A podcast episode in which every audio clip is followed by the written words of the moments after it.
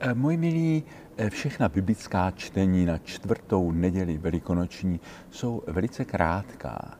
Vždycky si přitom vzpomínám na jednoho starého čínského kněze, s kterým jsem se setkal před mnoha lety v Téze a který si stěžoval na to, eh, co mě naopak dělalo velikou radost, na to bohatství a pestrost biblických čtení v liturgii. Říkal, tolik slov, tolik slov, nám Číňanům stačí jedna věta nebo jedno slovo na celý měsíc. Zejména, když si důkladně přečteme a promeditujeme těch pár slov v dnešním úryvku Janova Evangelia, můžeme mu dát za pravdu. Ale nejprve se zastavme u prvního čtení ze skutků a poštolů. Vypráví se tam o misi Pavla a Barnabáše v synagoze v Antiochii. Čteme tam, přišlo za nimi hodně židů a pohanů, kteří ctili Boha. Pavel a Barnabáš s nimi rozmlouvali a povzbuzovali je, aby zůstali věrni Boží milosti. Je důležité si všimnout, že apoštolové dřív, než začnou zvěstovat evangelium a mluvit o Ježíšovi, neberou ani pohanům, ani židům jejich způsob ctění Boha. Naopak, vědí, že i jejich dosavadní zbožnost působí, že v ní působí Boží milost a oni je povzbuzují, aby té milosti zůstali věrní. Teprve později na tuto jejich zbožnost navazují a rozvíjejí ji slovem Evangelia. Teprve, když přítomní židé se chovají nepřátelsky, říká jim, že oni měli být prvními adresáty Evangelia, ale pokud je odmítají, apoštolové se obracejí k pohánům. E, mezi nimi se mladé křesťanství šíří, ovšem misijní úspěch budí žárlivost a pronásledování. Ano, je třeba se zamyslet, zase dnes neděje něco podobného. Někdy lidé zdomácnělí v dřívějších podobách křesťanství, ti tradiční adresáti kázání, se obracejí zády a někdy i s neskrývaným nepřátelstvím, například proti způsobu hlásání evangelia, jak ho dnes předkládá slovy i činy papež František. Stýská se jim po přísném náboženství jasných příkazů a zákazů, výzvu k velkorysosti odpuštění a milosedenství a k všelidskému bratrství pokládají za něco příliš riskantního. Naopak, hluboké porozumění, upřímný souhlas a sympatie nachází styl papeže Františka u mnoha lidí za viditelnými hranicemi církví. Proto je i dnes čas k podobnému obratu, jaký udělali Pavel a Barnabáš, když vyvedli mladé křesťanství z úzkých hranic tehdejšího judaismu a tím z něj učinili univerzální nabídku pro všechny lidi a zajistili mu životnost a růst pro další staletí a tisíciletí. Také dnešní péče o vitalitu a přesvědčivost křesťanství nemůže zůstat v příliš úzkých mentálních a institučních hranicích dnešních církví a snažit se a musí se snažit na všechno hodnotné, co je v dnešní kultuře hledání smyslu. A najdeme to hodně, když si sundáme brýle předsudků. E, teď se tedy vraťme k onomu kratičkému textu nedělního evangelia. Obsahuje Ježíšova slova, moje ovce slyší můj hlas, já je znám a oni jdou za mnou. Já jim dávám věčný život. Můj otec, který mě dal, je větší než všichni a z otcových rukou je nemůže vyrvat nikdo. Já a otec jedno jsme.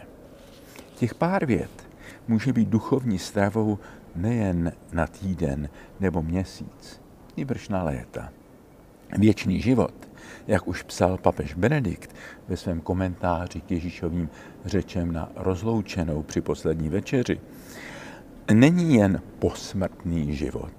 Je to život v hloubce a plnosti, který začíná přijetím Ježíše vírou do vlastního života a který nakonec relativizuje i hranici smrti. Připravuje smrt o její poslední vítězství a absolutní charakter. Ježíš přemáhá smrt, protože je zajedno se svým nebeským Otcem. Nedávno jsme mluvili o tom, že jednota mezi člověkem Ježíšem a Bohem neznamená, že by Ježíš byl druhým Bohem vedle Boha Otce. To by měli pravdu ti židé a muslimové ve svém podezření, že nauka o Ježíšově božství je popřením monoteismu, vyznání boží jedinečnosti. Ani to neznamená, že Ježíšovo lidství je jen nějakým převlekem Boha, že člověk Ježíš je jen Bůh přestrojený za člověka, nebo nějaký polobůh a poločlověk na způsob mýtických kentaurů. Ne. Starověké koncily vyjádřili učením o dvojí přirozenosti v osobě Kristově dvojí jednotu Ježíšovu, jeho jednotu s námi lidmi a zároveň jeho jednotu s Otcem, které jsou neoddělitelné a jedna neruší ani neumenšuje tu druhou. Ježíšovo lidství je zároveň božím sebevyjádřením, božím slovem k nám. To slovo obsahuje vše, co je potřebné k naší spáse. Proto křesťané neočekávají nějaké další zjevení, které by relativizovalo slovo, které nám Bůh dal v Ježíšovi. To ovšem neznamená, že by kreativitě božího sebezdílení, božímu duchu byl uložen nějaký zákaz dalšího působení v dějinách. Naopak, Ježíš slibuje asistenci a inspiraci ducha pro celou další cestu dějinami. A naše víra dokazuje svou pravost také svou otevřeností, svou vnímavostí pro boží pedagogiku ve znameních doby.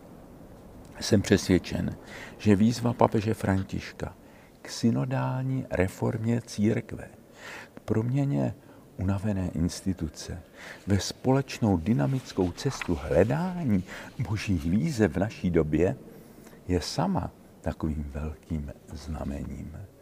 V této době byl eh, v katolických farnostech ukončen první krok na synodální cestě.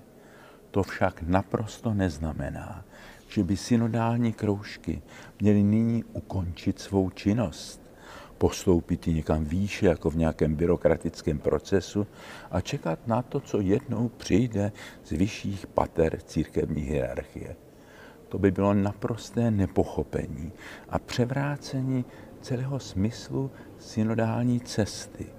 Máli mít tento pohyb Božího ducha smysl a praktický dopad, pak musí práce těch synodálních kroužků dále pokračovat a otvírat nová témata a přinášet nové podněty.